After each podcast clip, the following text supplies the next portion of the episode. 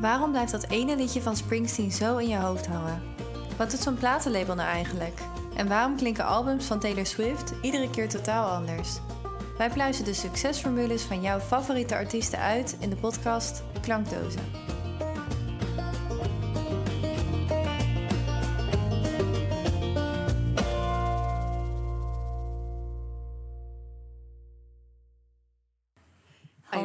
Hallo. Hi. Wat hebben we een heerlijke cozy setting nu. Ja, lekker met een theetje Ja, en toch? lekker chill. Klaar, we zijn klaar voor de business. Ben Ja. jij klaar voor de business? Ik ben er klaar voor. Ik ben heel nieuwsgierig wat je allemaal hebt eh, gevonden. En eh Ik kan niet wachten om te vertellen. Ehm, dus ik begin met niks te vertellen. Ik begin met iets te vragen aan Oké, jou. oké. Als artiest, hè? Jij treedt ook op. Jij Ja. neemt ook, hè, bent bijna bezig met je EP uitbrengen. Super spannend. Ja. Vertel mij eens, hoe verdien je geld als een artiest? Nou, tegenwoordig is het voornamelijk optreden, nog steeds. Want aan je hele streaming en Spotify en zo, daar verdien je geen klap mee. Dat is echt een paar cent per stream. Hmm. Eh, waar je ook nog wel geld aan verdient is als je merchandise hebt. Dus het verkopen van cd's, eh, verkopen van vinyl. Ehm, ja, en gewoon toch zorgen dat je nummer op de radio gedraaid wordt. Maar ja, daar heb je niet echt invloed op. Dat, eh, Ja. ja, dat, dat moet je net geluk hebben. Want daar krijg je ook wel weer royalties van. Mhm. Uh, maar dat zijn toch wel echt de voornaamste dingen waar je geld mee verdient. Ja. Ehm, ik had ook nog opgeschreven, gefeatured in, eh, in shows en films. Ja, oké. Als je inderdaad echt Ja. ergens aan meedoet, dan krijg je daarvoor, stel voor een tv-programma of zo, stel je bent een host of Ja, ook wat. bedoel ik van als, jij, ehm, als jouw muziek gedraaid wordt in een film. Oh, zo. Dus ja, soort- zo. Ja, ja, precies. Zelfs met radio, dan krijg je inderdaad ook eh, je royalties daarvan. Ja, klopt. Ja. Ja. Ehm, nou, je vat het eigenlijk best wel goed samen. Dus eh, we houden op bij deze. Dat was hem. Tuurlijk niet. Ehm, nee, wat wel interessant is, wat je ook noemde, wel eigenlijk korte cd's. Je zei al, van streaming krijg je eigenlijk niet zo heel veel meer voor tegenwoordig. Nee. Dat is wel interessant, want wat er vroeger eigenlijk natuurlijk gebeurde is... je verkocht albums en daar verdiende je je geld mee. Dat is natuurlijk direct sales naar jouw eigen kanaal toe. Ja. Wat je zag ook dat mensen eigenlijk op tour gingen om hun cd's te verkopen. Ja, te En nu, verko- ja, en nu verkoop je je muziek om op tour te kunnen, om daar je geld mee te verdienen. Dus dat is eigenlijk helemaal geswitcht tegenwoordig. En je muziek werd ook echt door labels echt keihard bij de radiostations gepusht. Waardoor jij inderdaad daar nog wat, eh, wat loyalties zou van, eh, van kunnen krijgen. En dat is eigenlijk. Valt dat een beetje samen ehm, wat voor struggles en verschillende inkomstenbronnen eh, bronnen Taylor Swift zelf ook heeft. Hè? Want we zijn, in case you forgot, we zijn nog altijd bezig met Taylor Swift natuurlijk in deze aflevering. We gaan het vandaag dus hebben over ja, waar haalt zij haar inkomsten vandaan. Ik heb dat eigenlijk onderverdeeld in twee grote onderwerpen. Aan de ene kant hebben we het over de muziek zelf. Dus hè, hoe verkoop je je muziek, hoe verspreid je je muziek. En aan de andere kant gaat het meer in op shows en merchandise. Dus we hebben het over de muziekverkoop. Taylor Swift in 2006 is zij, heeft haar eerder, eerste album uitgebracht. Dus hè, toen was Spotify nog niet echt eh, aanwezig. Nee. Althans, eh, Of helemaal niet. Helemaal niet volgens mij. Nee, Nee. klopt inderdaad. Dus ehm, ja, fysieke kopieën van cd's waren eigenlijk nog altijd het meest eh, relevant. En ook de focus lag vooral op de verkoop daarvan. Om die muziek te kunnen promoten. Hè, er moest iemand in jou investeren, want die moest fysieke albums gaan uitbrengen. En zeker als jij groot wilde zijn, dan moest dat mm, ja, mega naar buiten komen. Dan moest in Walmart gaan liggen, Alle weet ik veel winkels, wat. ja. Al die winkels. Inderdaad, en dat moest ook op de radio komen. Want dat was eigenlijk de enige manier om echt. Want nu hebben we natuurlijk wel het internet waar we wat kunnen gebruiken voor marketing. En dat was toen eigenlijk nog niet. Dus het was heel belangrijk om een label achter je te hebben staan. Taylor was 15. Ze heeft haar rechten op dat moment verkocht aan Big Machine Label met Scott Porchetta. Je hebt het al in een eerdere aflevering heel kort benoemd. Inderdaad, zij is ergens in een café opgepikt. Ja, de Bluebird. Ja, De inderdaad. Bluebird heeft hij haar gezien. Ja, ja, en zij, zij was natuurlijk eigenlijk nog niks. Een 15-jarige droppie, wat ergens heel leuk stond te zingen. Ehm, en is misschien wel leuk om te vertellen, want de Bluebird is dus echt een best wel bekend café in Nashville. Mhm. En dit café komt ook voor in de serie Nashville, als je die toevallig gezien hebt.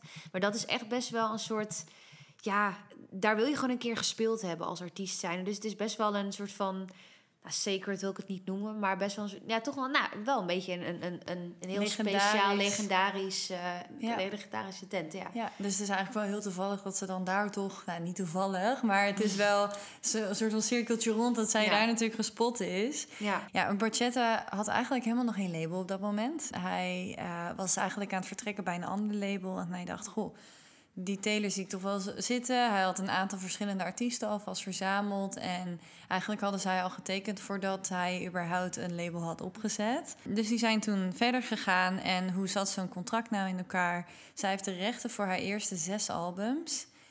Eerste zes albums, onthoud dat goed, ehm, heeft zij verkocht aan, eh, aan dat label. Dus, en daarmee heeft ze dus al die, al die licenties en rechten heeft zij daarvoor afgestaan. Voor een cashbedrag van tevoren. En dat is een gok ja. wat heel... Ja, wij denken nu, Oh. oh, sukker. Maar op dat moment was het eigenlijk een goede deal. Ja. Waarom? Ehm, het is een hele normale deal, omdat zeker op dat moment, ja, cash was alles. Dat was het enige wat, jou dan op dat, wat jij op dat moment zeker kon krijgen. Ja, dus het was een hele goede deal om dat op die manier te doen. Want voor hetzelfde geld flopte alles en dan had jij nog wel er iets uit. En niemand kon nooit verzinnen dat zij natuurlijk zo groot werd na zes albums. Maar ja, dat betekent dat zij haar rechten af, af heeft gestaan. En dan moet ik goed zeggen, zeggen van haar master recordings. Dat betekent dus de eerste officiële recording, dus de eerste track, dus ook wat op de radio komt, en alle kopieën ervan. Dus dat betekent ook eh, verschillende versies op streamingplatforms en fysieke platen of albums. Ja, dus zo'n deal was heel goed voor haar. Het was een soort marketing purpose, want hè, de streaming was er nog niet. Eh, het hing dus zo af van, eh, van de fysieke kopieën en de radio. En eh, ja, Big Machine Label had gewoon heel veel connecties al binnen Nashville. En zeker binnen country, ja, als jij die connecties al hebt met die radiostations, ja, dan gaat het natuurlijk een stuk harder lopen. Dus het was eigenlijk op dat moment helemaal geen hele slechte deal. Grappig hè, hoe je daar dan nu zo anders tegenaan kijkt. Ja, inderdaad. Hoe erg het allemaal echt. veranderd is en hoe je toen... Ja, Maar het, volgens mij heeft haar eh, Taylor Swift album het wel heel goed gedaan toen, toch? heeft het toen al relatief best wel goed Ja. gedaan. Dus nu spreken we over totaal andere cijfers van haar latere albums. Maar op dat moment, voor een debuutalbum, was echt al insane wat zij al had opgebouwd. Ja. En wat dus wel interessant is, ehm, dit is off the record, mag ik niet officieel zeggen, maar iemand schat in ehm, dat 80% van alle omzet van Big Machine Label volledig van Taylor's muziek komt. Jeetje. 80%. Dus die hebben één mega deal gedaan. Die hebben Taylor gespot. Hoppa, goed gedaan. Die hebben het ook goed gepromoot destijds. Dus Ja. kan er, hierna gaan we heel veel negatieve dingen erover zeggen. Maar ik kan ook wel zeggen, destijds hebben zij... Goed gespot. Ze hebben goed gespot, ja. Daar kun je Ja. niets anders over zeggen. En die hebben dat wel heel hard gepusht. De deal duurde dus 13 jaar uiteindelijk. Dus uiteindelijk zes albums. Dus Ja. na zes albums... Liggen de rechten dan 13 jaar vast eigenlijk? Ja. Nu heb ik een vraag voor jou. Oké. me. Wanneer denk je, want we hebben het natuurlijk over licenties, copyright. Ja. Wanneer denk jij dat jij echt officieel copyright hebt op een liedje? Copyright, dat is echt ook over de muziek, zeg maar. Over het liedje. Het liedje. Ja, jij schrijft een liedje. Wanneer denk jij dat er copyright op is? Het is toch volgens mij gewoon als jij het schrijft helemaal, dan is het toch van jou in principe. Tenzij je misschien een contract hebt getekend voor, met een publishing. Dat Ja. het dan ook deels bij hun ligt. Als, jij, als je met hun getekend bent, dat ook een deel van alles wat je schrijft ook automatisch van hun is. Tenzij je er onafhankelijk van bent. Ja, dus dat is, dat is niet normaal om zo'n deal te doen. Maar dat kan inderdaad. Maar normaal gezien, het, punt dat je, het moment dat jij iets op papier zet... of iets opneemt, dus iets fysieks in handen hebt van het liedje... dat is het moment dat jij al copyright hebt. Ja. Dus ja. jij ligt in je bed op je slaapkamer, lig jij een liedje te schrijven. Is nog niks van jou. Vanaf het moment dat jij het op hebt geschreven op papier, is dat liedje volledig van jou. Ja. Tenzij je nog een of andere, inderdaad, zo raar, eh, rare clausule ergens hebt staan, of rare regeling. Maar normaal gezien wordt dat eigenlijk niet gedaan voor songwriters op die manier. Nee, precies. Misschien dacht ik ook te moeilijk hoor. Het is Ja. gewoon eigenlijk heel straightforward inderdaad. Als je Inderdaad. het gewoon opschrijft of ergens een, een demo of even een snelle memo opneemt een op audio telefoon. recording kan dan is het van jou. Inderdaad, het is eigenlijk al heel snel. Is dat echt wel, dat liedje is zelf van jou. En dat is belangrijk dat we dat onthouden. Ehm, dus ehm, ja, jij hebt dan op dat moment alle rechten op dat liedje. Je hebt alle copyrights, maar je kan wel licenties afgeven aan andere partijen. Je kan ook copyrights verkopen, maar de licenties die daaraan vasthangen zijn drie soorten licenties. Performance licenties, het recht om iets uit te voeren. Dus hè, je gaat ergens op het podium staan, dan heb je daar een licentie voor. Een mechanische licentie. Dus dat is eigenlijk het recht om te distribueren. Dus dat is streaming, cd's, albums, lp's. En je hebt synchronisatielicenties. Dus dat is waar we het eigenlijk al even over hadden. Over in een, ehm, in een serie hoor je zo muziek op de achtergrond. Dat is, dat is voor synchronisatie-licenties. Ja, dan moeten eigenlijk de tv's en of wat dan ook, zenders moeten die licentie afkopen. Zodat zij jouw muziek mogen gebruiken in een serie of, of film. Ja, inderdaad, inderdaad. Ehm, deze rechten worden dus in zo'n deal overgeplaatst. Dus een artiest krijgt dan vaak nog een deel van de opbrengsten, maar de andere partij is eigenlijk eigenaar van deze rechten en mag de licenties uit gaan geven. In Taylors geval, wat is er dus voor rechten, zijn niet de copyrights op, de, op het liedje, maar nogmaals, zijn de copyrights op haar master tracks zijn eh, verkocht aan uh, van die al die zes albums, dat is echt heel veel. echt veel, ja. Ja, voor zes albums van Taylor Swift. Nou, what happened? ja. So here's the tea. Here's the tea. De ophef staat er ook op mijn blaadje. dus dat zegt genoeg. Oh jeetje. Ja. Dus, hè, 13 jaar later, uh, album 6 is uit. Dus wat er vaak gebeurt, is artiesten krijgen de kans om hun muziek weer terug te kopen. Want die, het is hun muziek, het is hun kunst eigenlijk. Hè? Ja. Dus uh, die willen dat graag terug hebben. Big Machine zei, no way, dat gaan we niet doen. Die zijn daar heel moeilijk blijkbaar in, in geweest. En, ja, ze ehm, verdienen er veel te veel geld aan. Dus, uh... Ja, inderdaad. dus waarom zou je dat doen? um, ja, dus Taylor is na die 13 jaar overgestapt naar Republic Records en Universal Music Group. En daardoor heeft ze eigenlijk alle rechten op alle masters vanaf nu gekregen. En zij heeft daar dan weer een deal mee met inderdaad die labels. Die krijgen waarschijnlijk in plaats van uh, hè, dat zij inkomsten van hun krijgt, is het waarschijnlijk andersom. Dat zij een afspraak hebben dat zij een stukje van haar krijgen van inkomsten. In ruil voor hè, haar label te zijn. Maar dat zijn alle rechten vanaf nu. En Big Machine Label heeft nog altijd de rechten gehouden. En die, eh, want zij kon het niet, uh, niet kopen van haar vorige zes albums. Want dat zijn dan allemaal, even kijken, dus Taylor Swift, Fearless, Speak Now, Red, uh, 1989 en, Reputation. Reputation. Dus vanaf Lover... Uh, is ze bij, bij Republic Records Ja, klopt. Ja, ja, dat was in 2019. Ja. klopt inderdaad. Nu, dit is heel mooi. Wat zij hebben aangeboden is... Oh nee, je mag het uh, wel, uh, wel terugverdienen. Wat gaan we namelijk doen? Ja, inderdaad. Een hele grote maar om één album terug te kunnen verdienen, moet je ons weer één nieuw album inleveren. Dus wat gebeurt er? Als zij nu een nieuw album, nou bijvoorbeeld Midnight, uh maakt zij, dan, moet zij, dan pas krijgt zij Taylor Swift terug. Nee joh, dus ze moet eigenlijk continu in, inwisselen eigenlijk. Ja, dus dat is echt natuurlijk echt no way. Dat is... nou, dat, dat gaat ook zijn hele doel voorbij, toch? Inderdaad. Oh dus God, dat is het hele doel wat zij hebben, of dat is, het, dat is wat zij hebben aangeboden. Nou, er zijn natuurlijk surprise, surprise, ze zijn natuurlijk niet mee akkoord gegaan. Um, zij wilde haar lange termijn werk niet zo op het spel zetten. Zij zegt echt nee, absoluut niet. Gaan we niet doen. Wat gebeurt er in 2019? Big Machine Label wordt verkocht aan Ithaca Holdings. Het bedrijf van Scooter Brown. Wie is Scooter Brown? ja. Zal jij je afvragen, of misschien niet. Hij Zijn naam is wel vaker voorbij. Inderdaad. Ik weet niet precies, maar ja, ongeveer. ja, de Scooter Brown is nauw betrokken geweest met het hele drama rondom Kanye West en Kim Kardashian. Scooter Brown is eigenlijk ja, van de label, manager, ook wel van Justin Bieber, Ariana Grande van alles, maar ook onder andere dus hè, betrokken geweest bij Kanye West en Kim Kardashian. Hij schijnt dus best wel gepusht te hebben op die ene call die live is gezet, of die opname van dat telefoongesprek. Waarna, over Famous. Over, over Famous, waardoor zij dus echt mega veel shit over zich heen heeft gekregen. Daar heeft hij wel een hele grote rol in gespeeld. Nou, besef dat jij al jouw levenswerk van zes albums, wat echt heel veel is, in één keer in handen komt van een man die jou ook eigenhandig kapot heeft willen maken. Nou, dat is natuurlijk top. Um, zij was natuurlijk echt totaal blij mee.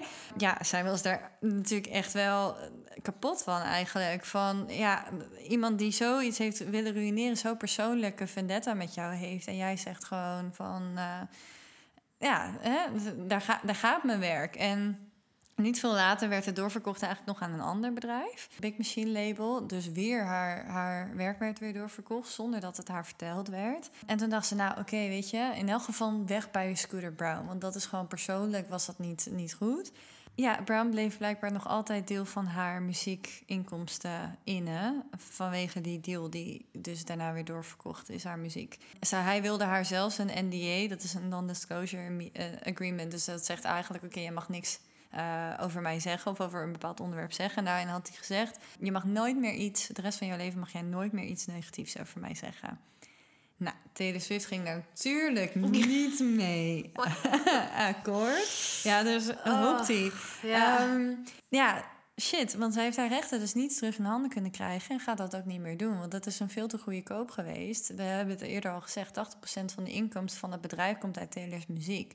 Dus no way dat dat andere bedrijf in één keer die muziek weer terug gaat verkopen. Dat is een grote. Daarvoor hebben zij dat bedrijf overgekocht.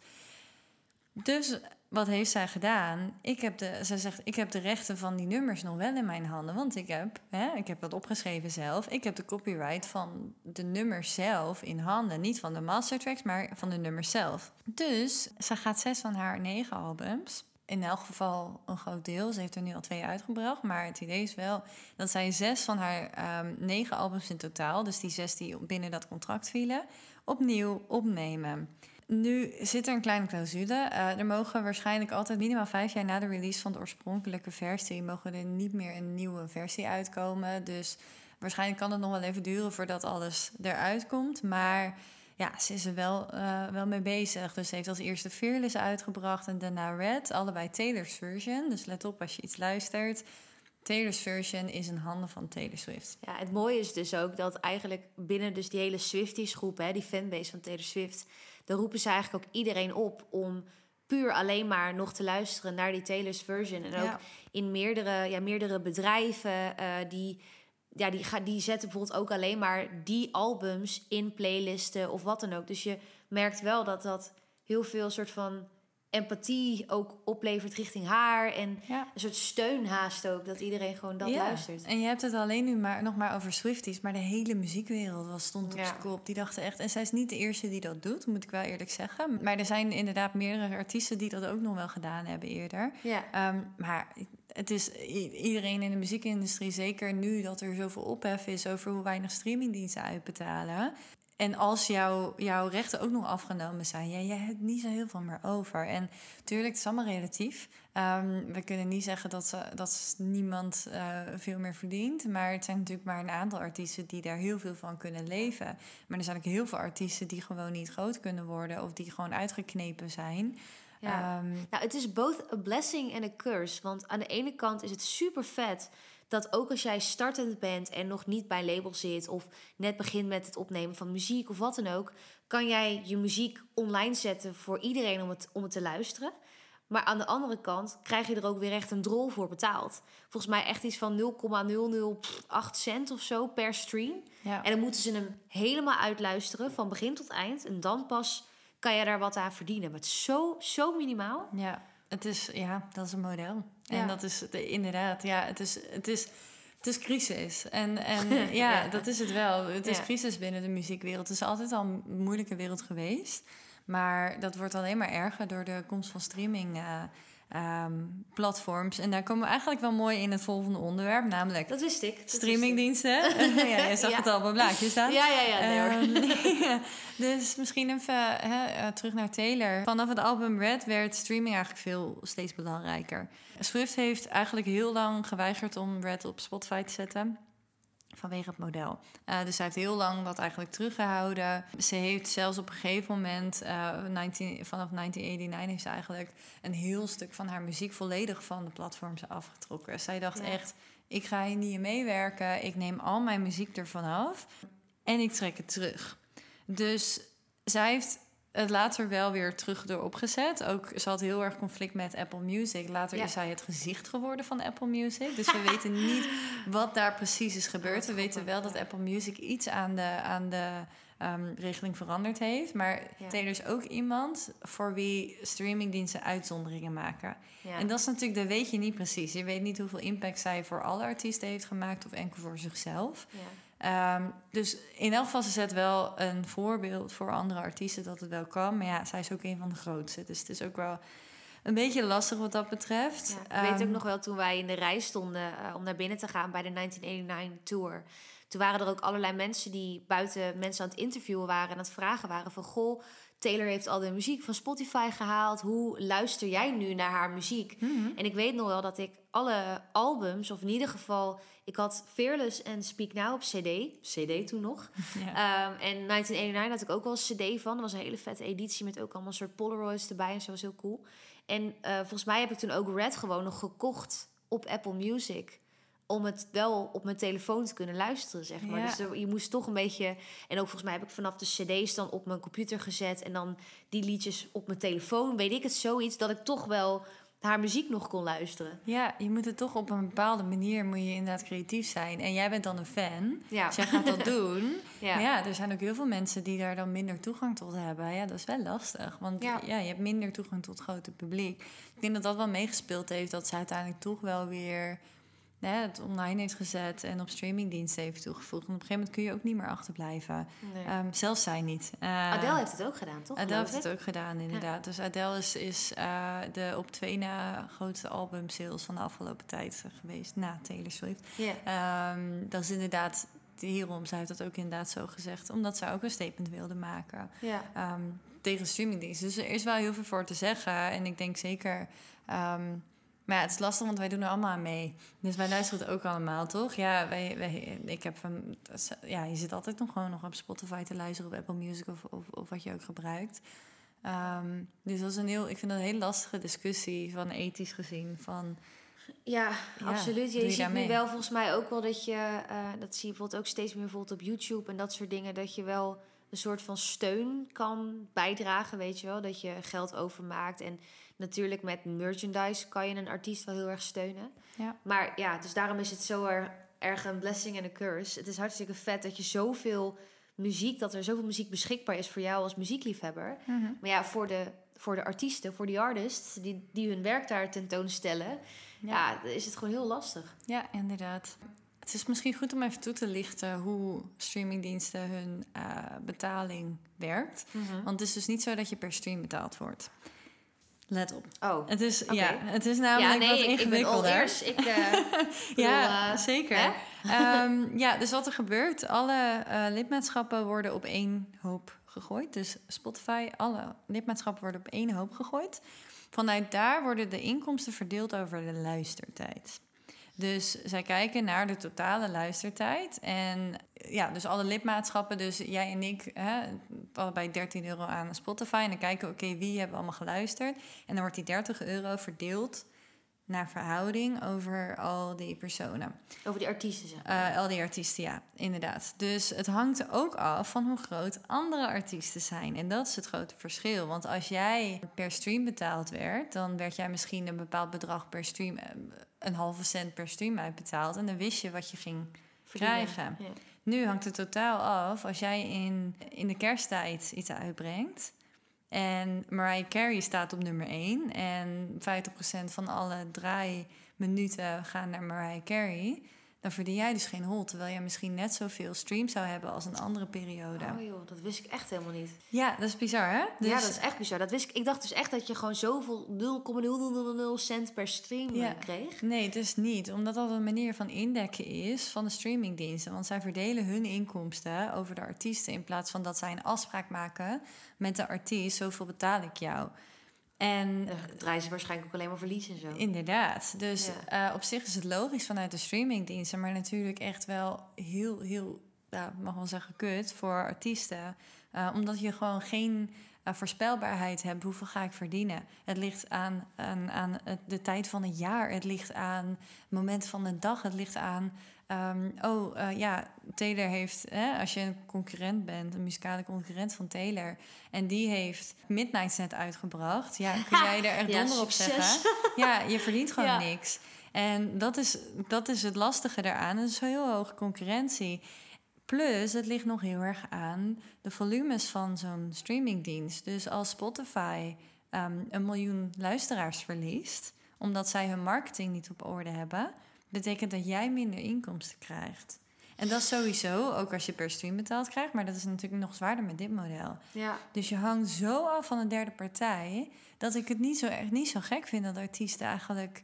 Ja. Eh, Dit, is, dit is niet eerlijk. Want, Nee. want normaal gesproken, als jij een album verkoopt, krijg jij betaald voor dat album. Als jij een LP verkoopt, krijg je betaald voor dat LP. En nu krijg je niet meer per stream betaald, maar jij krijgt iets wat nog over is van het hoopje, bij Ja. wijze van, dat krijg je uitbetaald. Maar kun je nagaan, want zeg maar, als jij in, in mijn geval, hè, ik, ben, eh, ik zit niet bij een label, dus ik breng al mijn, mijn muziek breng ik zelf uit. Nou, dan moet je al naar een aggregator gaan. Dat was ook voor mij toen ik net startte al een hele zoektocht van hoe krijg ik nou mijn muziek op Spotify? En als je echt net helemaal nieuw bent, dan weet je dat gewoon niet.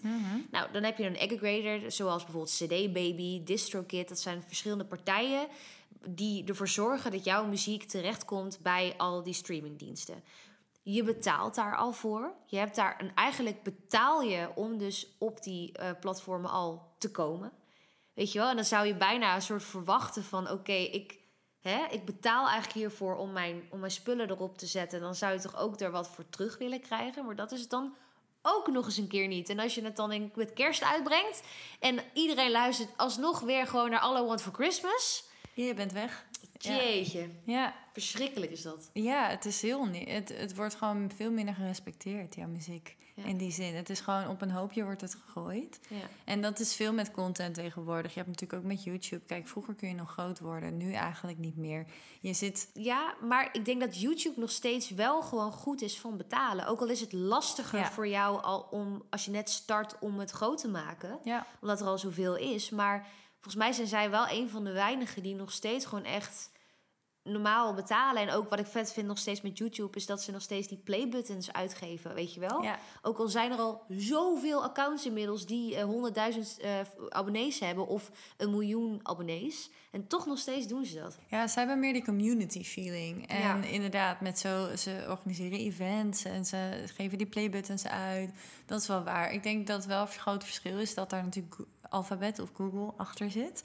Ja. Ehm, achter YouTube. Dus dat is al wel een gevestigd bedrijf. En ik denk dat dat daarom ook meer kan. Ja. Omdat YouTube ook meer misschien een, ehm, een middel voor marketing zou kunnen zijn. Dus dat die meer ruimte ook financieel hebben om zo'n fee te kunnen geven per aantal views. Maar ook bij YouTube wisselt het natuurlijk ook weer heel erg. Dus het is, Uiteraard. het is allemaal het is zo ingewikkeld mogelijk maken. Ik weet niet waarom, maar dat doen ze graag. Nou ja, waarom? Dat snap ik wel. Ja. Weet je wel? Dat je natuurlijk Ja. denkt, dat het zal wel. Daarom maken ze het allemaal zo lekker moeilijk. Inderdaad, ja, het is heel, heel lastig. En inderdaad, dus dat zie je ook met streamingdiensten. Dus het is niet gek dat zij zich daar tegenover heeft gezet. Ehm, nu, wat dus wel cool is aan, aan de muziek van, van Taylor Swift... zij heeft dus inderdaad die streaming heeft ze uiteindelijk wel omarmd. Ze is uiteindelijk wel mee verder gegaan. Maar fysieke muziek, zij is nog, zijn zeker ook meer. Hè? Bijvoorbeeld Harry Styles heeft ook eh cassettebandjes uitgegeven. Cassettebandjes, Ja, ik vind dat echt heel nice. Dat ze gewoon zeggen, oké, we gaan gewoon weer back to the 90s. Echt, I love it. Ehm, maar ja, T- Taylor die verkoopt nog wel veel fysieke muziek. En jij hebt al veel verteld over Swifties in aflevering 1. Ja, Ehm, Swifties, haar, haar fanbase, die, die sturen dat natuurlijk wel heel erg aan. Daardoor kan zij dat doen. Zij, kan, ja. zij kan nog albums verkopen. Er zijn heel weinig artiesten. Nou, we hadden het net ook even over Adele. ja. Ehm, er zijn nog wel een aantal artiesten, maar niet veel, die echt nog goed albums kunnen verkopen, goed LP's kunnen verkopen. En zij doet dat. Voor Midnight bijvoorbeeld anderhalf miljoen fysieke albums in de eerste week Een eerste week. in 2022. Hè? Ja, zo bizar. En Guilty. Ik heb wel een EP van Midnight. Dus ja, ik, dus ja, dat, dat is de volgende. Ja. 500.000 EP's. 500.000 Ja, EP's. dus album, albums hebben we het volgens mij alleen maar over CD's. Oh my god. Ja, en 500.000 EP's, LP's moet ik zeggen. Ehm, en ze verkoopt dus ook cassettes. En wat zij dus heel slim doet, zij geeft die albums zo wat extra's. Ja, ja. Dus zij zegt bijvoorbeeld, als jij vier versies van mijn LP koopt, dan vormt dat een klok van 12 uur s'nachts, Ja, a.k.a. midnight. midnight, ja. Ja, dus dat is weer zo'n hint. En daar speelt ze zo goed in op haar fanbase. De- hè, die hebben vanaf het begin al zo'n grote rol gespeeld. Maar die, die zijn nu heel lucratief geworden. Want die zorgen er nu Ja. voor dat zij nog die, die, fysieke, ja, die fysieke albums kan gaan uitbrengen. Ze zeggen toch ook dat eh, eh, eigenlijk duizend voor een artiest, als je duizend echte fans hebt, en daarmee bedoel ik fans die naar jouw concerten komen, jouw merchandise kopen, jouw muziek luisteren, als je dat hebt, Dat is eigenlijk voldoende om van te kunnen leven. Ja, kan Duizend fans, zeg maar. Weet je, dat is eigenlijk het enige. En, en, en dan wel de hardcore fans, hè? Dus de, Ja. dus de Swifty kind of fans. Ja, Die gewoon echt alles van jou kopen, alles van jou bekijken, overal naartoe komen. ja. Dat is natuurlijk super. Ja, die, die fans. Kost wat, hè? Zo. Wow. Dat ook, ja, klopt. Ja, het is hele leven is duur. Ja, sowieso. Maar ja, nee, Ehm, klopt. inflatie. ehm, Inflatie. ja. precies. Ja, maar inderdaad. Dus, en eigenlijk is dat ook wel weer een mooie brug naar ons volgende onderwerp. Dat is Ik eigenlijk... ben op dreef vandaag. Ja, ik je ben doet het echt op hartstikke dreef goed. Ehm, dus we hebben het over shows. Eh, want Ja. hè, als we het hebben over Swifties, hebben we het ook over shows. Oh, yes. Ja, dus vroeger shows werden gebruikt als marketing purpose, om zeg maar als marketing eh, doeleinde om albums te kunnen verkopen. En nu is dat eigenlijk andersom. Dus jij gebruikt jouw muziek om Ja. showtickets te verkopen waar jij het meeste, het meeste geld aan verdient. Ja. Shows zijn ook ontiegelijk duur geworden tegenwoordig natuurlijk. Ja, als jij nu gemiddeld naar de nieuwste eh, tour van Taylor Swift, hoeveel denk je dat dat gemiddeld gekost heeft?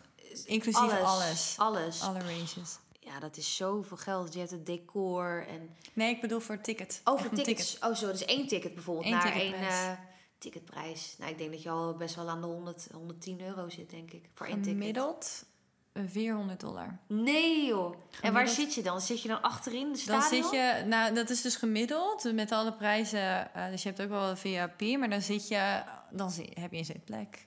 Dat is nog niet eens, 400 ja, dat is nog niet eens God. VIP.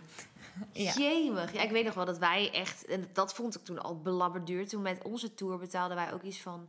Misschien 89 euro. Zo is echt duur. En dan zaten wij in een vak ergens... Eigenlijk het allerlaatste vak in de, in de Amsterdam Arena. Ja, in Eh, 1989 was dat, hè? Zei je. 1991, ja. Nee, sorry, niet Arena. Gewoon Ziggo Dome. Maar echt helemaal Ja. achteraan zaten we. Ze hadden niet eens een, goed, een, een mooie plek. En dat was al echt bijna 90 euro, weet ik nog. Dat vond ik echt duur toen. Ja, dat was toen ook veel meer geld nagaan. waard natuurlijk. Ja, dat is ondertussen ook wel weer wat acht jaar geleden of zo. Ja.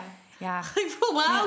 Acht jaar geleden. Acht jaar Mina. moppie. Ja. Ehm, Nog ja, steeds hoor, nog steeds. De als ze naar Nederland komt, wij gaan hè. Is goed. Zij heeft eerder al vijf tours gedaan. Jij bent er naar eentje geweest. Ja. Ehm, besef dat zijn gemiddeld met in het begin tot 120 shows per tour.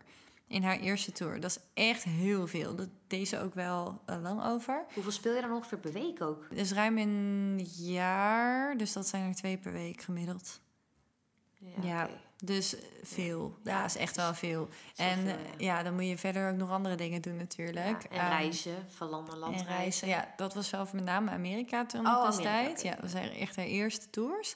En daarna werd het ongeveer gemiddeld iets meer dan 50 eh, shows. En toen ging ze wel veel meer internationaal ook. Dus gemiddeld werd dat op een gegeven moment iets meer dan 50, eh, 50 shows eh, voor een tour. Ja. Ja, locaties werden groter, aanwezigheden, eh, de aantal aanwezigen. Ja, de shows werden fantastischer en spectaculairder. De aanwezigen gemiddeld verdubbelden van, eh, of totaal bedoel ik, van 1,2 miljoen naar 2,9 miljoen bezoekers. Ja, bijna 3 miljoen mensen die daar tickets voor gekocht hebben. Jeetje. Ja, dus ze zeggen dat zij ongeveer, als we het terug hebben over de zakelijke kant, ongeveer 5 miljoen dollar per avond verdient op tour. Per show, moet ik zeggen. En dan Vijf 120 miljoen. shows. Ja, en dat is puur aan de show. Ehm, Ja. Gemiddeld is dat ook nog ongeveer 17 dollar aan merchandise per bezoeker. Ja, dat verdient goed, hè? Zo, de knetters. Ja, dus Dat doe je toch gewoon één jaar toeren en dan stop je er toch mee? ja, girl is rich. Je girl is Girl rich, is show, rich. for Dat is echt sure. niet normaal. For sure. Ja, dus hè, haar laatste tour zou Loverfest zijn. eh, is van haar album Lover. En toen kwam corona, dus dat was wel even balen. Dat scheelt dus natuurlijk een hoop geld. Ehm, Ja. Maar ja, haar nieuwste eh, tour, The Eras Tour, is 52 shows. Dat is waar ze nu op gaat. Ja. 52 shows. Is wel lekkerder. Ja, enkel in Amerika. Oh, in Amerika. Enkel in Amerika. Dus wij wachten nog met macht naar eh, de European Tour. Maar dat komt nog wel. En om deze laatste tour is heel veel gedaan geweest. Er is heel veel in het nieuws geweest. Het is Ja. zelfs in de House of, Par- House of Congress eh, geweest in Amerika. Wat is er nou gebeurd? Voor het eerst in vijf jaar ging Swift toeren. ehm, en de ticketverkoop was eh, gelegd bij Ticketmaster. Ticketmaster is eigenlijk een beetje, maar daar ga ik verder op in straks, is eigenlijk de grootste speler. En Taylor heeft daarmee in gesprek gezeten ook van, kunnen jullie de vraag aan? Want wij weten, het is al heel lang geweest sinds we uh, een tour hebben gedaan. Dus je weet gewoon al die Swifties en meer, al die mensen die willen, die en willen ook daarheen. alle mensen die er natuurlijk in de afgelopen tijd bij zijn gekomen. Hè? Want door dat Midnights album heeft zij natuurlijk een ontzettend nieuwe groep mensen heeft zij Maar ook door Folklore en Evermore ook, zijn ook weer totaal andere, andere albums. Waar ze weer, hè, daar heeft ze mij ook wel heel erg gehoekt eigenlijk. Dat was waar ik meer geïnvesteerd raakte.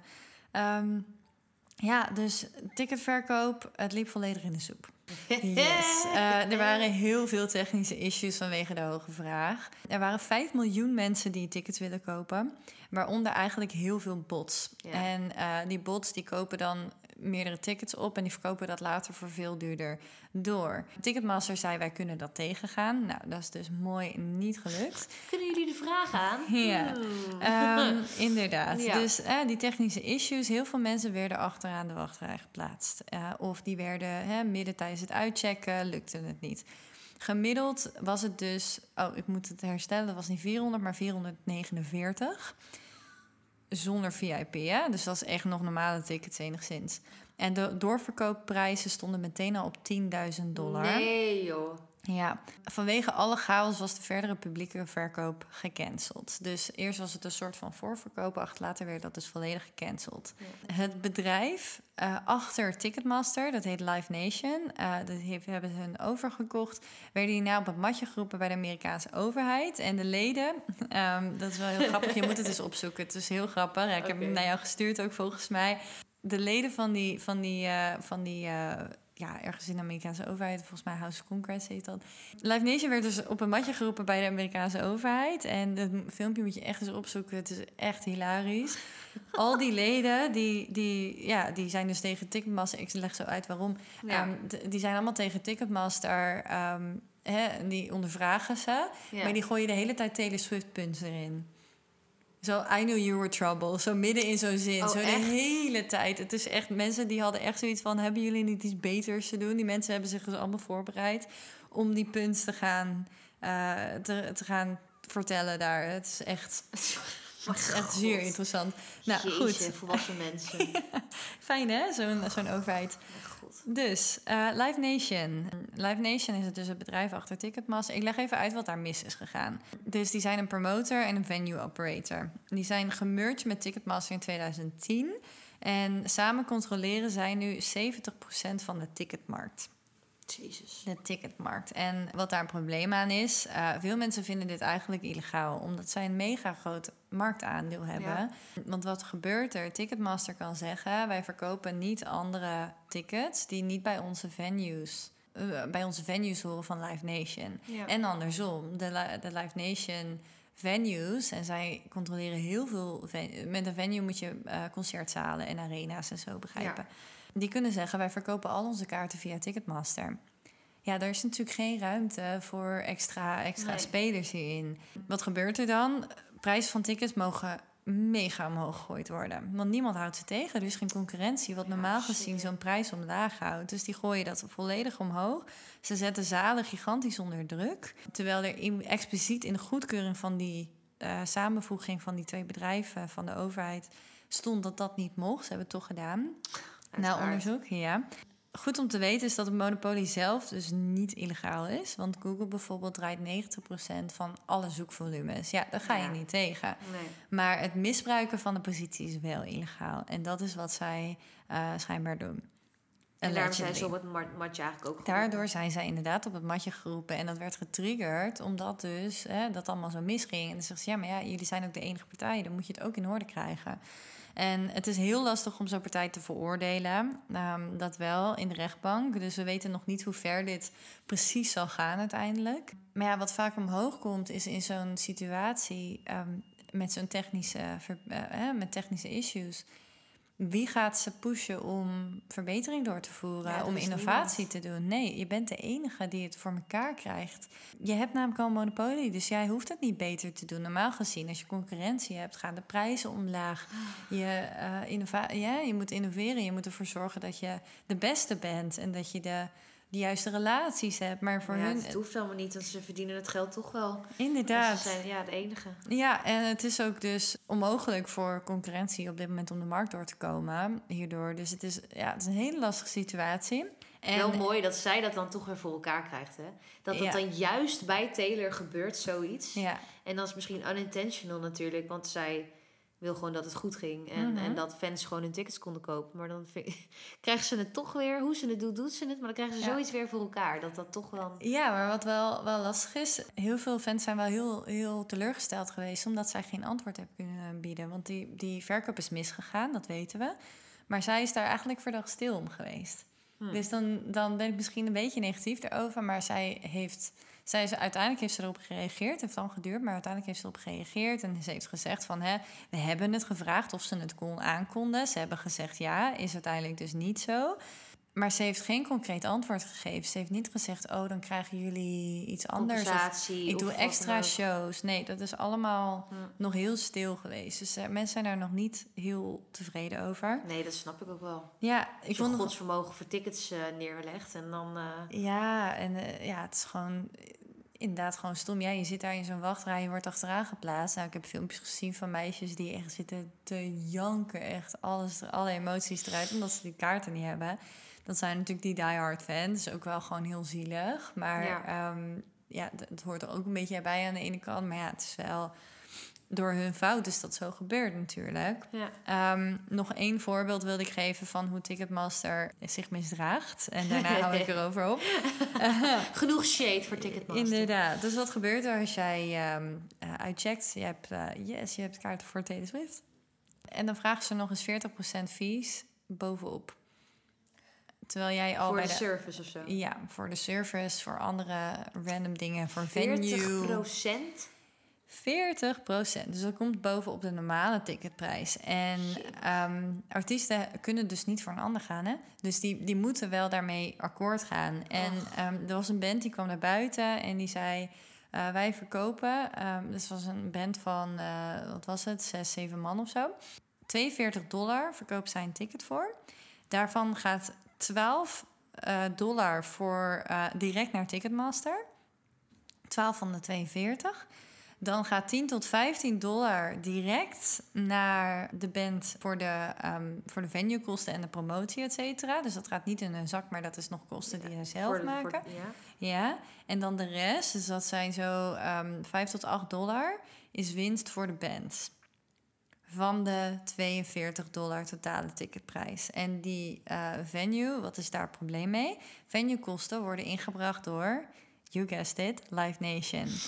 dus die pakken daar weer een heel stuk van. Dus dat hele bedrijf is echt monsterlijk bezig. Die halen al die fees eruit, alles wat ze eruit kunnen eh, krijgen. Ze hebben ook een invoice laten zien van Live Nation. En daar zitten, ja, daar zit, daar zitten fees tussen eh, die gewoon nergens op slaan. Oh, je wordt gerekend voor handdoeken. Je wordt gerekend voor general venue kosten. Ja, hallo, we Wat betalen, jou om, ja. we betalen jou al normale fees om daar te mogen spelen. Dus daar zit gewoon heel veel in. Nogmaals, het is allemaal allegedly. eh, moet ik zeggen van eh, een niet bestaande advocaat. Maar, maar ja, dat heb ik allemaal wel gevonden over hoe die Ja. bezig zijn. En dat is dus wel niet gek dat die inderdaad op het matje zijn geroepen. Nee. Ja, maar wel een probleem. Want dan ga, ga je weer terug naar... Ja, maar waar verdienen mensen dan hun geld aan? Want hun ticket worden uitgesqueezed... omdat er maar één grote speler is... die ze maar een klein stukje van die ticketprijzen geeft. En dan ben je nog Taylor Swift, hè? Kun je En dan ben je nog Taylor Swift of een een of andere andere grote artiest. Dus je wordt dan helemaal uitgeknepen rondom die tickets. En de, je verdient niks meer aan je normale eh, eh, muziek uitgeven. De streaming verdien je niks aan. Oké, je albums verdien je wel wat aan. Maar ja, dan moet je al heel groot zijn, wil je dat verkopen. Ja. Wat blijft er dan nog over? Nou, dat heb ik voor jou. Oh, nice. Nou, ik moet groenteboer worden, of niet? Misschien Inderdaad. verdient dat wat beter. Ja, Ja, precies, dat ik denk denk dat ik dat maar ga doen. Carrière switch. Ik het voel is het. goed. Ja. Een verse aardappelen. Precies, ja. Ehm, Ongespoten, gewoon zonder plastic. Kijkt u eens. Biologisch. Vers van het land. Ja, heel lekker. Ehm, ja, dus wat, krijg je, wat kun je nog meer verdienen? Wa- Wat, kun je dan doen, hè? Uh-huh. Ehm, je kan nog songwriten voor andere nummers. Dus we Ja. weten dat Taylor nog best wel een aantal andere nummers... Hè, dan komen we terug naar die licenties en de copyrights. Hè. Zij heeft die wel geschreven, dus zij krijgt... of mee, mede geschreven en zij krijgt daar ook wel meerdere royalties voor. Dus haar bekende nummer daarvan is This Is What You Came For... Ja, met van Calvin Harris. Calvin Harris, ook wel haar ex. Ja, ingewikkeld. was ook wel een beetje gedoe volgens mij daar rondom. Het is altijd gedoe met de mannen. Ehm, maar ja, dat is dus wel een bekende. Ze heeft ook voor Hannah Montana, B.O.B. heeft ze geschreven. Meerdere mensen heeft zij eh, voor geschreven. Ehm, Little Big Town ook, dat liedje Better Man. Dan- Ja, inderdaad. Heeft ze later ook uitgebracht volgens mij op haar Red album, geloof ik. Ja? Ja, Oh, volgens mij wel. niet. Ze heeft ook een, een keer, of, ze, of het was een live versie. Ze heeft dat nummer een keertje dus ook in de Bluebird Café gezongen. Maar ik wist dus helemaal niet dat dat nummer van haar was. Want ik vind het van Little Big Town altijd echt een te gek nummer. Ja, Maar dat heeft zij dus geschreven. Zo nice. vet. Dat wist ik helemaal niet. Ja. Fun fact. Fun Fun fact. fact. Ja, wat, je, wat zij nog meer heeft gedaan, zij heeft documentaires natuurlijk gemaakt. Ze heeft eh, eh, volgens mij drie documentaires in totaal. Ehm, haar Netflix-docu is de grootste, Miss Americana. Daar heeft ze eh, een miljoen voor gekregen ook. Hoppa, In de pocket. Ehm, een aantal live tour films, dat deze. Nou, ja, hè, ze heeft ook acteerwerk gedaan. Daar verdien je natuurlijk ook wel wat mee. Ehm, niet muziek natuurlijk, echt het is niet muziek, maar het is wel als artiest. Het is je gezicht wat je verkoopt. Hè? Dus je moet wat. Ja, Ehm, ja. eh, zij heeft eh, reclame gedaan, andere sponsordeals. Ze heeft ooit voor Target iets gedaan. Nou ja, ze is dus net het muziek geweest van Apple Music. ja. Ja, veel reclame helpt natuurlijk gigantisch. Ja, er zijn gewoon heel veel opties alsnog om je, om je naar buiten te brengen en om daar ehm, mee te verdienen. Ja, ze zit ook in, in, in eh, vastgoed en zo, weet je. Zijn-. Als je eenmaal dat geld hebt, dan ga je wel. Maar, Maar het- dat, dat is het, ja. dat is Als je het. eenmaal het geld hebt. Dat is Ja. altijd het grootste ding. En dat eerste stuk, ja, zij heeft toch dat in het begin dus dat cash, eh, ehm, eh, dat, dat eh, cashbedrag aangenomen voor haar eerste contracten. En daar heeft zij uiteindelijk toch wel een, een goede start mee gemaakt uiteindelijk. Ja, Eh, het was misschien niet direct de waarde die ze had moeten krijgen ervoor. Zeker. Ik denk dat ze meer misschien had, had moeten krijgen. We weten niet over welke bedragen het gaat, hè? Dat is lastig. Nee, klopt. Ehm, en je weet niet hoe het anders had gelopen. Dus, maar ja, het is wel heel begrijpelijk dat ze uiteindelijk toch ja, het pad heeft afgelegd wat zij nu gedaan heeft. En ik denk dat ze het heel knap teruggepakt heeft. En een voorbeeld zet voor andere artiesten. En Zeker. gewoon zegt, jongens, neem het heft in eigen handen en doe het anders. Ja. En mensen zeggen ook wel, she is the music industry. Zo, ja, zij bepaalt zelf wel wat ze doet. En zij tekent daar heel erg in. En zij is niet bang om tegen de haren heen te strijken. En Nee. dat is gewoon wel indrukwekkend. Ja, zij heeft ook wel een geschatte net worth van 450 miljoen dollar in 2023. Geschat. Geschat, ik weet het niet. Ehm, het is genoeg. Ja. Ze is ook in. Ja, ja, zou het genoeg zijn? Ja, ja, dus het is zeker genoeg. Eh, ik denk dat zij eh, goed verdiend heeft. Zij is een van de meest succesvolle artiesten van alle Ja. tijden. Ja, misschien even om af te ronden. Want we hebben natuurlijk eigenlijk net vier afleveringen Ja. achter de kiezen. ja. Ehm, Het is inmiddels donker. het is inmiddels donker buiten. ehm, dus het is, eh, ja, we hebben heel hard hier aan gewerkt al. Ehm, we hebben het gehad over haar bio, wie zij is, eh, haar songwriting, haar productie, haar identiteit. Hoe verdient ze het geld Ja, uiteindelijk? haar En fanbase. haar fanbase, eigenlijk alles. Het cirkeltje is weer rond, want we begrijpen nu wel hoe zij zo groot is geworden. Ja. En wat daar allemaal achter zit. En hoe zij deze eh, stappen door heeft gezet. ja. Heb jij nog bepaalde dingen die je daaraan toe wil voegen? Nee, ik vind het vooral... Dit hele verhaal vind ik mega interessant. Want het, ja, het is gewoon een hele ingewikkelde wereld eigenlijk. En dat is het altijd geweest. De hele muziekindustrie is gewoon een aparte business. Het is gewoon...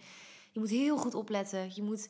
Ja, kijk, zo'n Taylor die net begint... Ja, tuurlijk weet je nooit of het jou lukt. En ja, ik denk dat toch iedere artiest wel een keer tegen zo'n soort dilemma of, of zo'n soort probleem aanloopt, weet je wel. Ja. dat hou je gewoon niet tegen, helaas. En ja, ik heb gewoon ontzettend veel geleerd. En ook hoe zij eh, haar kijk op dingen, haar songwriting skills, eh, hoe ze ook haar business aanpakt. eh, en gewoon de, de persoon die ze is. Daar heb ik heel veel bewondering voor. En, en ik snap misschien dat niet iedereen haar even leuk vindt. Dat kan ik me best wel voorstellen, omdat zij naar de buitenwereld toe en alles kan ze best wel overkomen als een heel koud, heel hard iemand. Maar ja, als jij een echte Swiftie bent, wat ik denk wel dat ik dat ben, dan zie je gewoon eigenlijk de businesswoman die ze is en alles wat ze doet. En ehm, ja, dat is bijvoorbeeld ook hetzelfde met Dolly Parton, totaal off topic. Maar zij ook net zo, weet je wel. Zij is ook zo slim, gaat ze met dingen om en ze weet de kansen te pakken. En dat doet Taylor net zo. En dan nog steeds zoveel geven aan haar community. Want dat is in die end waar zij het voor doet. Weet je wel, tuurlijk het geld, ja, dat is vet, leuk, fijn, super. Met geld kan je veel, dat is nou eenmaal hoe het werkt. Maar dan alsnog probeert zij altijd die fans op nummer 1 te zetten. En, en dat vind ik heel bijzonder aan haar. Sluit ik me helemaal bij aan. Als jij, um, luisteraars thuis, als jij. klinkt heel raar om te zeggen. Dit is de eerste keer dat Mel en ik en um, eigenlijk allebei uh, los van elkaar een podcast opnemen. Laat het even weten als jullie het heel leuk vinden. En laat ook even weten van wie jullie zelf meer zouden willen horen. Of dat er bepaalde onderwerpen zijn waar jullie meer interesse in hebben. Wij staan volledig open voor suggesties. Voor dus- onderzoek, detective werk. Ja, we love it. Dus gooi het vooral onze kant op. We kijken er heel erg naar uit. En we hopen uh, jullie snel terug te zien. Zeker. Lot Lievert, mag ik jou bedanken voor een geslaagde sessie. Jij ook, Mel. En dan hopen we u de volgende keer weer helemaal terug te zien bij uh, een nieuwe episode. Ja, to be defined wie hierna komt. Doei. Doei. Vond je dit nou een leuke podcast? Je kunt ons steunen door te volgen op social media en Petje Af. Laat ons vooral weten welke artiesten we hierna moeten uitpluizen. Tot de volgende!